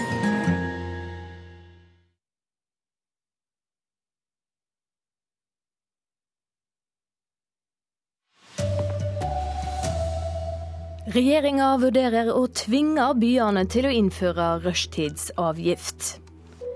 I dag kan EU komme til å boikotte olje fra Iran. Det kan være bra for norsk økonomi. Og mange unge jenter ber om hjelp etter å ha funnet nakenbilder av seg sjøl på nettet. God morgen, her er NRK Dagsnytt klokka 7.30. Regjeringa vurderer altså å pålegge kommunene å innføre rushtidsavgift. Det kan bli et av tiltakene i den kommende klimameldinga. En slik avgift vil doble prisen i bomringene inn til byene på den travleste tida om morgenen og om ettermiddagen. For meg er det veldig tungvint å ta kollektivt. Det tar mye lengre tid enn å kjøre bil. Og den verdifulle tiden den vil jeg heller bruke sammen med sønnen min. På en bensinstasjon i Oslo sentrum sier bilistene de er avhengig av bilen i det daglige. Jeg må ta bil uansett. Uansett hvor dyrt det blir. De sier en rushtidsavgift ikke vil forandre på det. Men i Trondheim dobles prisen i bomringen på ettermiddagen og i morgenrushet. Det virker, sier SVs varaordfører Knut Fagerbakke. Miljøpakken har jo vært en ubetinga suksess i forhold til å få redusert biltrafikken eh, inn mot Trondheim sentrum. 20% færre bompasseringer enn før prisdoblingen. Flere tar buss eller sykler. Så Det er ubetinget suksess både i forhold til å få redusert biltrafikken og få flere til å kjøre kollektivt. Slik går CO2-utslippene ned, og regjeringen arbeider nå med sin klimamelding. NRK vet at et særlig kontroversielt forslag er å tvinge byene til å innføre rushtidsavgift, for å få kollektivmidler eller andre penger til miljøtiltak. Hovedstaden er blant de byene som nekter å innføre rushtidsavgift. Samferdselsbyråd Ola Elvestuen fra Venstre mener tvang er feil medisin. Dette er vi best til å vurdere lokalt selv. Problemet i Oslo er at kollektivtrafikken, både tog og det lokale tilbudet vårt, er stappfullt som det er. Så det er ikke noe alternativ som man kan gå over til. Reporter Lars Nehru Sand.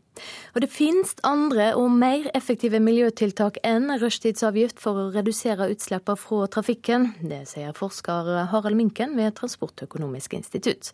Han tror likevel en ny rushtidsavgift vil slå positivt ut for norske byer. Det er en fin avgift sånn sett for å redusere skadevirkningene av lokal luftforurensning. Men uh, det er ikke, dette er ikke noe som bør lanseres som et uh, miljøtiltak? i Nei, forstand? altså det har, først og fremst så har det til hensikt å gjøre eh, transportsystemet mer fornuftig, for å si det slik. I annen omgang så har det også miljøvirkninger. Men hvis en snakker om klima f.eks., så er det andre avgifter som er betydelig mer fornuftige. Bilavgifter, bensinavgifter som går direkte på forbruket av fossile brennstoff. For at en rushtidsavgift skal innføres, er det viktig at kollektivtilbudet også blir forbedret. Minken viser til Stockholm, hvor kollektivtrafikken ble bygget ut seks måneder før rushtidsavgiften ble innført. Når avgiften så kom, var terskelen lavere for å reise kollektivt.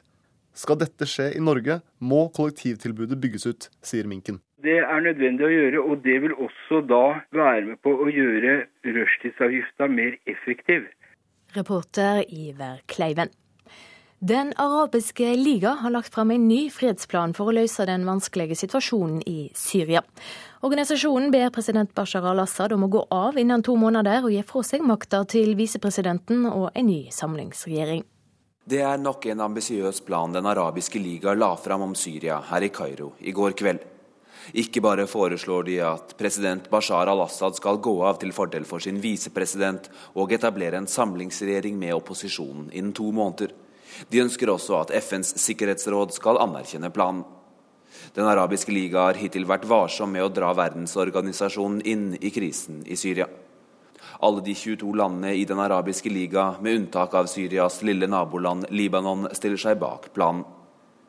Det er imidlertid tvilsomt hvilke praktiske konsekvenser denne nye planen får, som avhenger av det syriske regimets vilje til å gå i dialog med opposisjonen. Den forrige arabiske fredsplanen hadde liten suksess. Volden økte i Syria mens Den arabiske liga gjennomførte sitt observatøroppdrag i landet. Trass det har de bestemt seg for å forlenge oppdraget, om enn uten deltakelse fra Saudi-Arabia, som trekker seg fordi de hevder at Syria viser liten fredsvilje. Samtidig er det økende tegn til væpnet konflikt i Syria.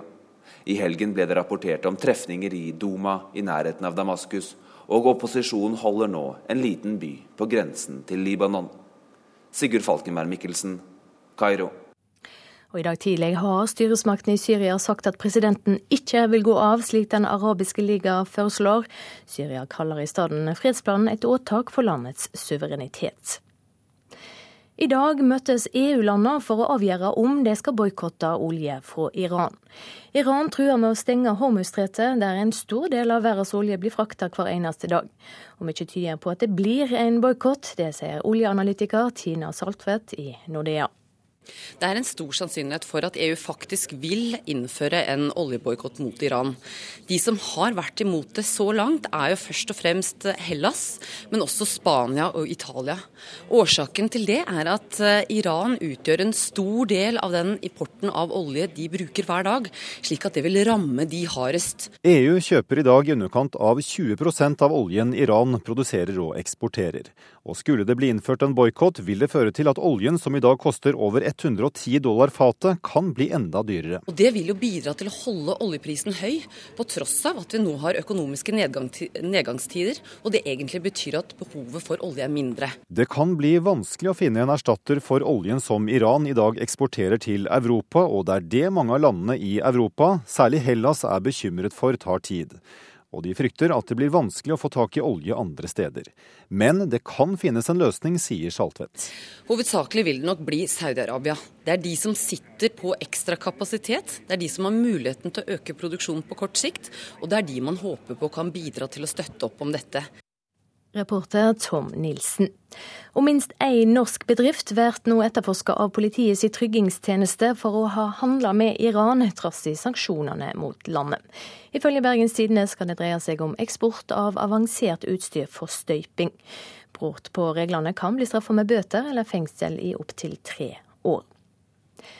Så skal vi høre at flere politipatruljer fra Drammen fikk beskjed om å kjøre forbi Utøya og møte opp på politihuset i Hønefoss den 22. juli i fjor. Det skriver VG. To av tre patruljer trassa ordren og drog rett til Utøya. Flere av politifolka var spesialtrente på skarpe situasjoner. Nordre Buskerud politidistrikt vil ikke kommentere hvorfor politifolka fikk ordre om å møte opp i Hønefoss. Flere nettsteder retta mot norske brukere oppmoder folk til å legge ut nakenbilder av ekskjærester. Mange unge jenter tar kontakt med tjenester slettmeg.no for å få hjelp til å fjerne foto som er spredde på nettet uten at de visste om det. Det forteller Hans Marius Tessem i Norsk senter for informasjonssikring. Det har blitt en trend å eh, publisere bilder av folk som ikke har gitt samtykke. NorSIS driver tjenesten slettmeg.no, som hjelper de som føler seg krenka på nett. Tessem viser fram et eh, utenlandsk nettsted retta mot norske brukere, som oppfordrer spesielt til å legge ut bilder av ekskjærester. Bilder du lovte aldri å publisere, som det står. Her er bilder av norske jenter. Mange av dem ser ut som de er i tenåra, som poserer nakne og i seksuelle situasjoner. Jeg tror nok mange som ikke vet at de bildene engang ligger på nett. Det er så stygt å gjøre noe sånn mot en annen person. og det eh, vitner om lite respekt. Det er ulovlig i henhold til norsk lov å legge ut bilder eh, uten samtykke fra den som er avbilda. Reporter Erlend Mo.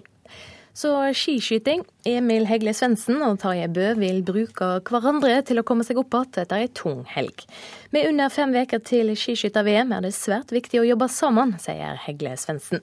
Jeg tror eh, vi kommer til å gjøre det enda mer nå, siden vi alle er nesten i samme situasjon, at vi sliter litt. Så, så blir det nok å bruke hverandre enda mer og, og jobbe knallhardt. Så jeg tror vi må fokusere mest på den jobben vi skal gjøre, og ikke eh, så mye på at vi, at vi er ræva nå, for vi er ikke så langt unna som det ser ut. Det er, liksom, det er noen treff det, så er vi der. men... Det klart det ser, ser jo forferdelig ut. VM i ropolding starter i slutten av februar, og både Emil Hegle Svendsen og Tarjei Bø har hatt ledelsen i verdenscupen totalt. Nå ligger Hegle Svendsen på andreplass og Bø på sjette. Og nå ser Tarjei Bø fram til verdenscuprennet på hjemmebane i Holmenkollen om mindre enn to uker. Jo, det gleder jeg meg til òg. Det, det snur fort. Før jul så var jeg et stort smil og jeg var på, i toppen i alle løp. og Nå, nå har jeg hatt en dårlig periode, men eh, jeg tror jeg skal komme tilbake og vise hvem som er sjefen. Reporter Marianne Kvamme Amengual. Hovedsak i denne sendinga har vært at regjeringa vurderer å tvinge byene til å innføre rushtidsavgift. Ansvarlig for Dagsnytt denne morgenen, Gro Arneberg. Teknisk ansvarlig, Eli Kyrkjebø. I studio, Silje Sande.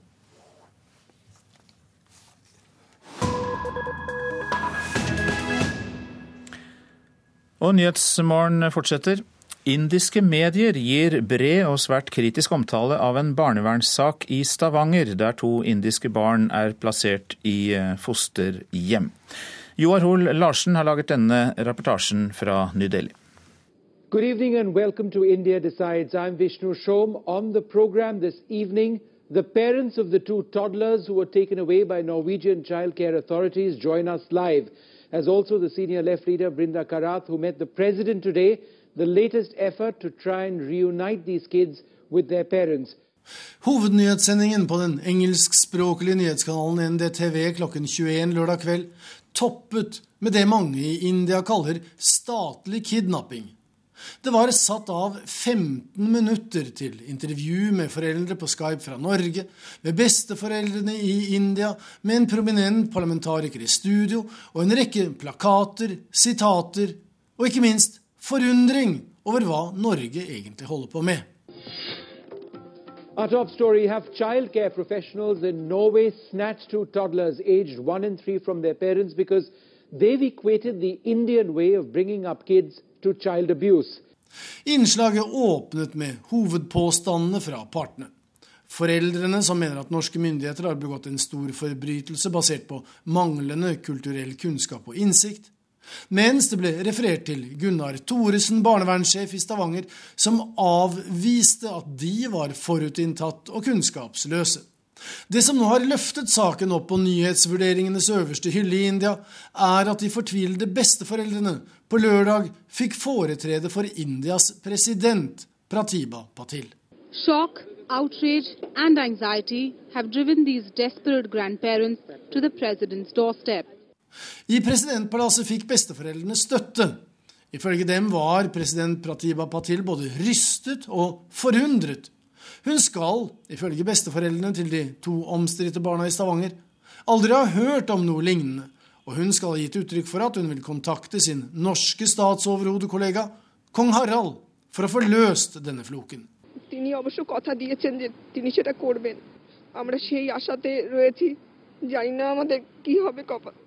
Foreldrene, med på Skype fra Stavanger, beskriver situasjonen som et mareritt og håper at Indias president nå skal kunne bidra til at de blir gjenforent med barna som ble tatt fra dem i mai i fjor. It's a terrible situation in our life and uh, it's like a nightmare. They're Indian citizens and uh, they means they're minors and that's our only hope that uh, the, the Indian government and the president will intervene and uh, and bring back our children. Det er ingen norske stemmer eller bilder fra Norge med i det et kvarter lange innslaget. Ingen talsmenn fra Utenriksdepartementet, ingen bilder fra Stavanger, ingen bilder av det norske flagget på ambassaden i New Delhi. Kun en kommentar fra Gunnar Thoresen, barnevernssjef i Stavanger ifølge NDTV, og den ble presentert med en plakat og lest opp. Thoresen redegjør for barnevernets oppgaver og mandat, og understreker at de har ansvaret for alle barn i Norge, uansett nasjonalitet, statsborgerskap eller kulturell bakgrunn. The Norwegian Child Welfare Act applies to all children in Norway, regardless of the child's nationality, citizenship, or cultural background. This is the head of Child Welfare Services in Stavanger in Norway. Et argument barnevernet skal ha benyttet, er ifølge foreldrene at gutten på to og et halvt år har sovet i samme seng som faren og ikke i eget rom. Det er å snu det hele på hodet, sier lederen for Indias kommunistparti, Brinda Karat, og henviste til hva presidenten hadde sagt da de var i presidentpalasset. Å la barnet sove alene i et kaldt klima av et fremmed land, det ville ha vært barnemishandling. Ja, Du lytter til Nyhetsmorgen, vi har disse hovedsakene. Regjeringen vurderer å pålegge kommunene rushtidsavgift. I dag kan Hellas få slettet mesteparten av den gigantiske gjelda si. Og flere nettsteder oppfordrer til å legge ut nakenbilder av ekskjærester, opplyser Norsk senter for informasjonssikring. Jeg ser rundt meg i studio, Siri Gjørts, og da ser jeg at det blir eh, et topptungt politisk kvarter. Ja, det stemmer, for her i studio har jeg fått besøk av statsminister Jens Stoltenberg og Høyre sin statsministerkandidat Erna Solberg. Og tema det er styringa av den norske økonomien.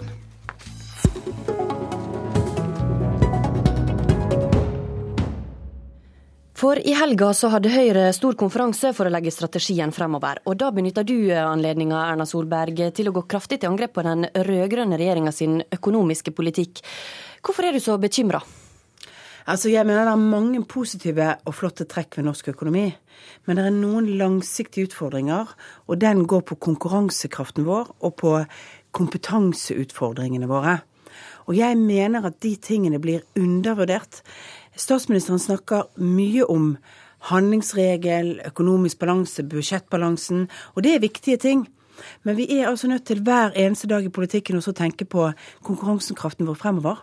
Og da er vi nødt til å ha fokus på alle de tingene som gjør at eh, konkurranseutsatte bedrifter i Norge fortsatt kan selge varene sine i et marked hvor det blir tøffere og tøffere i årene fremover. Men hva er det regjeringa da ikke gjør, mener du? Nei, Jeg mener jo at vi har for lite satsing på kompetanse i vårt samfunn. Vi har for lite satsing på at eh, flere unge tar teknologisk utdanning. Vi har for lite satsing på forskning og utvikling. Jeg sa vi burde ha noen større ambisjoner. For, eksempel burde vi i Norge hatt en ambisjon om at, eh, at vi skulle bruke mer enn andre land gjennom offentlig finansiert forskning. Fordi mange, vår næringsstruktur gjør at bedriftene i Norge ikke er så forskningsintensive som de er i veldig mange andre land. Da må vi ta et større offentlig grep enn det vi har gjort så langt, for å løfte det fremover. Det er ett av det. Så mener vi trenger en strategi for internasjonalisering. Flere må lære seg mer språk i fremtiden. Flere må lære seg mer om andre kulturer. Og så er det selvfølgelig en utfordring at vi trenger mer, mer risikovillig privat kapital. Der er regjeringens politikk direkte negativ. Jens Stoltenberg, hva tenker du om kritikken fra Erna Solberg? Jeg tenker at det er viktig med debatt, og at eh, vi alltid skal være åpne for å lytte og justere og lære av hverandre, både på tvers av landegrenser og på tvers av partigrenser. Samtidig så men, men driver du en uansvarlig økonomisk politikk på sikt? Nei, det gjør denne regjeringen ikke. Og det viktigste vi gjør, er å investere i fremtiden ved at vi holder folk i jobb. Er det noe som svekker et eh, lands vekstevne eh, på sikt, så er det om mange mennesker går uten arbeid. De støttes ut av arbeidslivet, mister kvalifikasjoner, arbeidsevne, og det svekker landets eh, vekstkraft. Men I tillegg så investerer vi jo mer i vei og bane enn noen gang. Vesentlig mer enn tidligere. Vi investerer mer i kunnskap, forskning, skal fortsatt trappe opp det. Og nå ser vi f.eks. at Norge får bedre, langt fra gode nok, men klart bedre score på disse internasjonale PISA-undersøkelsene om kvalitet i skolen. Så det er noen ting vi gjør grunnleggende riktig, og det er kanskje det viktigste målet på det er at vi har rekordmange jobb og Europas laveste ledighet. Og da er det i hvert fall én eh, viktig ting som er på plass i forhold til fremtiden. Det er ikke noe for Erna Solberg? Ja, det er denne roen som eh, statsministeren i går oppfordret at jeg skulle ta. Jeg skulle ta det med ro, sa han i alle nyhetssendingene. Det er veldig farlig. For Hvis ikke du er rastløs, hvis ikke du er utålmodig, hvis ikke du skjønner at et land som har faktisk tapt konkurransekraft overfor for eh, land rundt oss, må ta det på alvor, ja, da er det sånn at det er fremtidsgenerasjonene som kommer til å tape. Jeg er enig i at det er viktig og det er kjempebra at mange er i jobb i Norge. Eh, det er et godt grunnlag, men vi kan ikke være fornøyd hvis det er sånn at vi nå får økende permitteringer i konkurranseutsatte bedrifter. Vi ser at bedrifter flytter ut av landet fordi vi har et særnorsk høyere kostnadsnivå enn mange av landene rundt oss. Og det som jeg også har sagt, er at Altså For ett og et halvt år siden så brukte Arbeiderpartiets politikere mye tid på å snakke stygt om hva som foregikk i nabolandet vårt. Nå har de altså etter finanskrisen etablert 100 000 flere flere ansatte i privat sektor. De har forbedret konkurransekraften sin solid. De har gjort det gjennom bl.a. å satse på kompetanse, gjennom å satse på konkurransekraft. Og finansministeren i Sverige er blitt kåret som EUs eh, beste finansminister, og landet omtales nå som en europeisk tiger. Da er det på tide å se til litt andre løsninger enn bare denne roen og styringen med makrobudsjetter. Vi er rett og slett nødt til å løfte konkurransekraften vår. Stoltenberg. Det er mye bra i mange land, eh, og det er helt sikkert mye vi kan lære fra Sverige. Men det viktigste målet på om det går bra i et lands økonomi, er om man lykkes med å ha folk i jobb. Det er også viktig for å investere i fremtiden. Og da er det altså slik at Arbeidsløsheten i Sverige er mer enn dobbelt så høy som i Norge.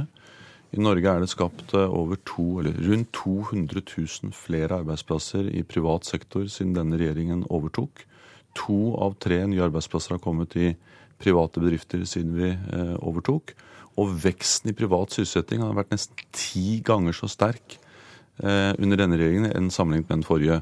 Men jeg mener at det er viktigere å se framover enn å altså, diskutere eh, hvem som gjorde det best. Det er ingen tvil om at der er det altså imponerende resultater under denne regjeringen.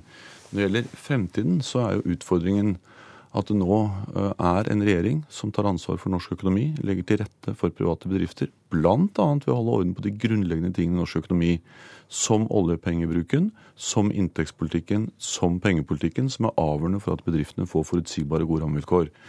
Usikkerhet nå er det Fremskrittspartiet sier, nemlig at de avviser Høyres eh, politikk når det gjelder oljepengebruk, og dermed er det fullstendig usikkerhet om hva en ny, eh, eventuelt ny regjering vil stå for. Men, men bare for å ta det med en gang. Erna Solberg, det er riktig som Stoltenberg sier, du må samarbeide med Frp mest sannsynlig, og de har et annet syn på handlingsregelen. Kan du garantere at du ikke vil gå utover den hvis du kommer i regjering? Ja, altså Jeg har mange ganger før svart på dette spørsmålet og sagt at Høyre sitter ikke i en regjering som, som, ikke fører en økonomisk ansvarlig politikk. Det kommer vi til å gjøre. Og jeg tillot meg i går da også påpeke betyr, en, ja, betyr en ansvarlig økonomisk politikk at dere ikke kommer til å gå utover handlingsregelen? Ja, det betyr eh, blant annet det. Det betyr at noen ganger så er en ansvarlig økonomisk politikk å bruke mindre enn handlingsregelen fordi at den økonomiske situasjonen tilsier at vi skal holde igjen. Og noen ganger å bruke litt mer for den økonomiske situasjonen tilsier det. Men det er altså ikke irrelevant hva vi bruker penger på. Og det er det Eh, Jens Stoltenberg forsøker å gjøre. Han forsøker å si at det er irrelevant hvis vi bare holder den makroøkonomiske styringen, men det er faktisk veldig relevant hva vi bruker pengene på. Den andre delen av handlingsregelen, som jeg altså siterte også Jens Stoltenberg på i min tale i går, det var at vi skulle bruke de pengene vi tok inn i norsk økonomi, til å investere i vekstfremmende skattelettelser, til å investere i infrastruktur, til å investere i utdanningssystemet vårt og til å investere i forskning og utvikling for, for fremtiden.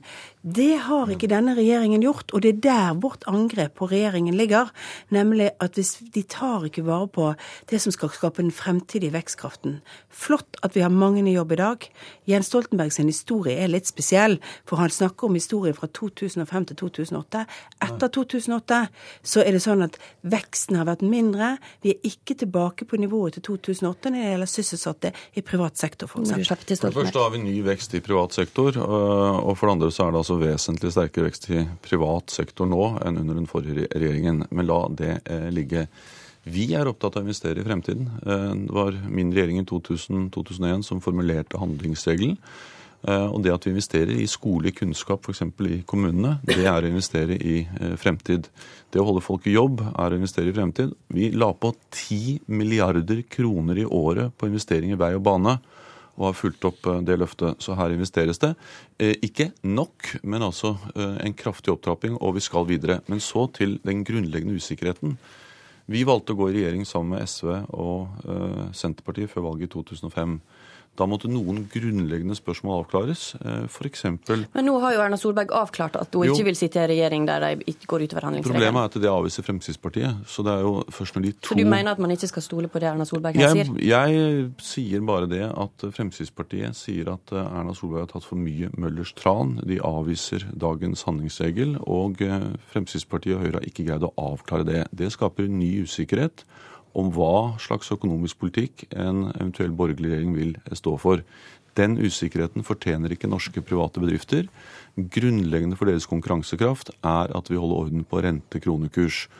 Verdensbanken hvis man ikke tror på oss, Verdensbanken har altså laget en oversikt. Der kommer Norge helt på topp, altså sjett best i verden. Eh, klart foran Sverige når det gjelder land det er eh, lett å drive næringsvirksomhet i. Så det er jo noen ting som vi gjør riktig, eh, som gjør at eh, private bedrifter investere i Norge, og at Verdensbanken legger oss helt på topp. Men jeg vil tilbake til eh, Fremskrittspartiet, Erna Solberg. fordi i Aftenposten i dag så reagerer altså Siv Jensen på at eh, det eh, du sier om dem, altså den økonomiske politikken, binder dem og bidrar til at Frp må gå bort fra sin politikk til en viss grad. Forstår ikke du den reaksjonen hos Siv Jensen? Nei, jeg tror at den reaksjonen som er i dag i Aftenposten skyldes nok spørsmålene som journalisten må ha stilt henne. For det, det jeg sa i går, det var at litt Altså, Men du forventer altså at de skal gå bort fra nei, en stor del av den økonomiske har, politikken Jeg har ikke sagt noe om at de må gå bort fra noe. Jeg har sagt at Høyre kommer til ikke til å sitte i en regjering som ikke fører en ansvarlig økonomisk politikk. Det har vært klart alltid. Det er ryggmargsrefleksen. For oss er det å holde orden i økonomien som trygger arbeidsplassene, det at folk kan betale regningene sine fordi de har en sikker jobb, det er noe av det mest, det mest konservative som fins. Det er å sørge for den typen politikk. Det kommer vi til å gjøre. Jeg har ikke sagt de må legge vekk noe som helst. Det er en tolkning som journalist har gjort. Men jeg sa én ting i går. Før valget i 2005 så advarte vi mot at det ble en uansvarlig økonomisk politikk hvis de tre partiene som den gangen skulle legge programmene sine sammen og gjennomføre de. I dag pleier eh, Jens Stoltenberg å raljere litt over det vi sa. Og jeg kan godt ta den selvkritikken at ja, det har vist seg at, eh, at ikke var riktig. Men det er akkurat det samme han gjør nå. Som vi gjorde den gangen. Og da kan det være en situasjon om et par år hvor altså vi kan si at hallo, se her. Alt det du truet med, det skjedde ikke. For det er sånn at vi fører en ansvarlig Men den økonomisk politikk. store, store, store forskjellen er at vi avklarer dette, dette før valget i 2005. Vi mente at for å gå til i regjerings, eh, altså lage et felles regjeringsalternativ med andre partier, så måtte vi ikke være enige om alt. Vi måtte ikke legge fram felles programmer på alle punkter. Men vi måtte avklare noen grunnleggende spørsmål. F.eks. Nato, EØS, den type ting. Men også skattenivå og bruk av oljepenger, som er grunnmuren i økonomisk eh, Det avklarte vi før valget. Både i 2005, eh, og vi sto for den politikken i 2009. Og Problemet er at eh, når Høyre og Fremskrittspartiet skal gå i regjering sammen, så har velgerne, og ikke minst de private bedriftene, eh, krav på at noen av disse grunnleggende spørsmålene er avklart før valget. Og det har man ikke, og det skaper ny usikkerhet. Men Jens Stoltenberg, i et eh, strateginotat fra Ap som ble lekka i forrige uke, så, eh, så ble det slått fast at, at eh, Høyre har stor tillit blant velgere når det gjelder det å ha orden på økonomien. Og dere utpeker da Høyre som dere hovedmotstander fram mot valget i 2013. Kan ikke du da, altså, Blir ikke da fokuset på Frp og den politikken bare for å, for, for å, komme seg, altså for å, for å få fokus mot dere? Det er mange ting når det gjelder Høyres økonomiske politikk jeg er dypt uenig med Høyre i. For Men likevel, i dette strateginotatet så slås det altså fast at dere har stor overlappende velgerskare, og at dere må Ja, prøve å erobre dem av det er et notat fra partisekretæren. Han viser til meningsmålinger. Og det er helt riktig at eh, i en del meningsmålinger så har Høyre gjort det bra. Og så analyserer vi bakgrunnen for det. Det handler bl.a. om tillit i enkeltsaker som økonomisk eh, politikk. Det er en analyse av meningsmålinger. Men det er ikke min vurdering. Jeg mener at Høyre gjør veldig alvorlige feil når de fortsatt lover milliarder i skattelette. Da blir det mindre til forskning, til vei, til investering i framtid. Eh, Jeg mener Høyre gjør en alvorlig feil eh, når de ikke ser betydning av inntektspolitisk samarbeid, som er viktig for å holde orden på kostnadsvekst eh, i Norge. Og jeg mener Høyre gjør en alvorlig feil når de velger å gå eh, i eh, regjeringsfellesskap med Fremskrittspartiet. Velger å si ja til å sitte i regjering med Fremskrittspartiet uten å avklare på forhånd et så grunnleggende spørsmål som bruk av eh, oljepenger. Det er alvorlig svakhet ved Høyres økonomiske politikk. Økte forskjeller, mindre til felleskassa ved store skattelettelser, og usikkerhet ved å eh, gå i regjering sammen med Fremskrittspartiet. Hvordan det føles å være utpekt til Arbeiderpartiet sin eh, hovedmotstander? Eh, Det er fint å være hovedmotstanderen og få oppmerksomhet, men eh, jeg må jo si at den laksen vi nok fikk, den viser jo hvorfor de ikke har en fremtidspolitikk, Arbeiderpartiet. For det første har vi en høy troverdighet på dette, fordi folk vet at vi fører en ansvarlig økonomisk politikk. Jeg tror derfor ikke folk lar seg imponere av en strategi som sier man skal snakke mer om Frp for å forsøke å ramme Høyre, eh, og jeg tror velgerne gjennomskuer dette. Men la meg ta ett eksempel, disse såkalte uansvarlige skattelettelsene. Ja, vi ønsker å fjerne f.eks. Eh, skatten på eh, eierskap i norske bedrifter, fordi det er skadelig for den langsiktige konkurranseevnen. På torsdag så sa altså REC-gründeren veldig tydelig at hvis han hadde måttet betale dagens formuesskatt sånn som regjeringen har laget den, i perioden 2001 til 2003, så hadde REC aldri kommet opp å stå. For da hadde han måttet betale 43 millioner kroner i en bedrift som enda ikke gikk med overskudd. Det var gründerfiendtlig, og det er det som denne politikken dreier seg om. Du skaper Men- ikke nye bedrifter på den måten. Men for det første så er det altså vesentlig flere gründere og vesentlig sterkere vekst i privat sektor nå enn under din regjering. For det andre så er det slik at vi investerer i framtid ved å investere nettopp i de tingene som er viktige for norske bedrifter, som samferdsel, som forskning. Og der fikk Jens Stoltenberg det siste ordet, og for Politisk kvarter er over. Takk også til Erna Solberg.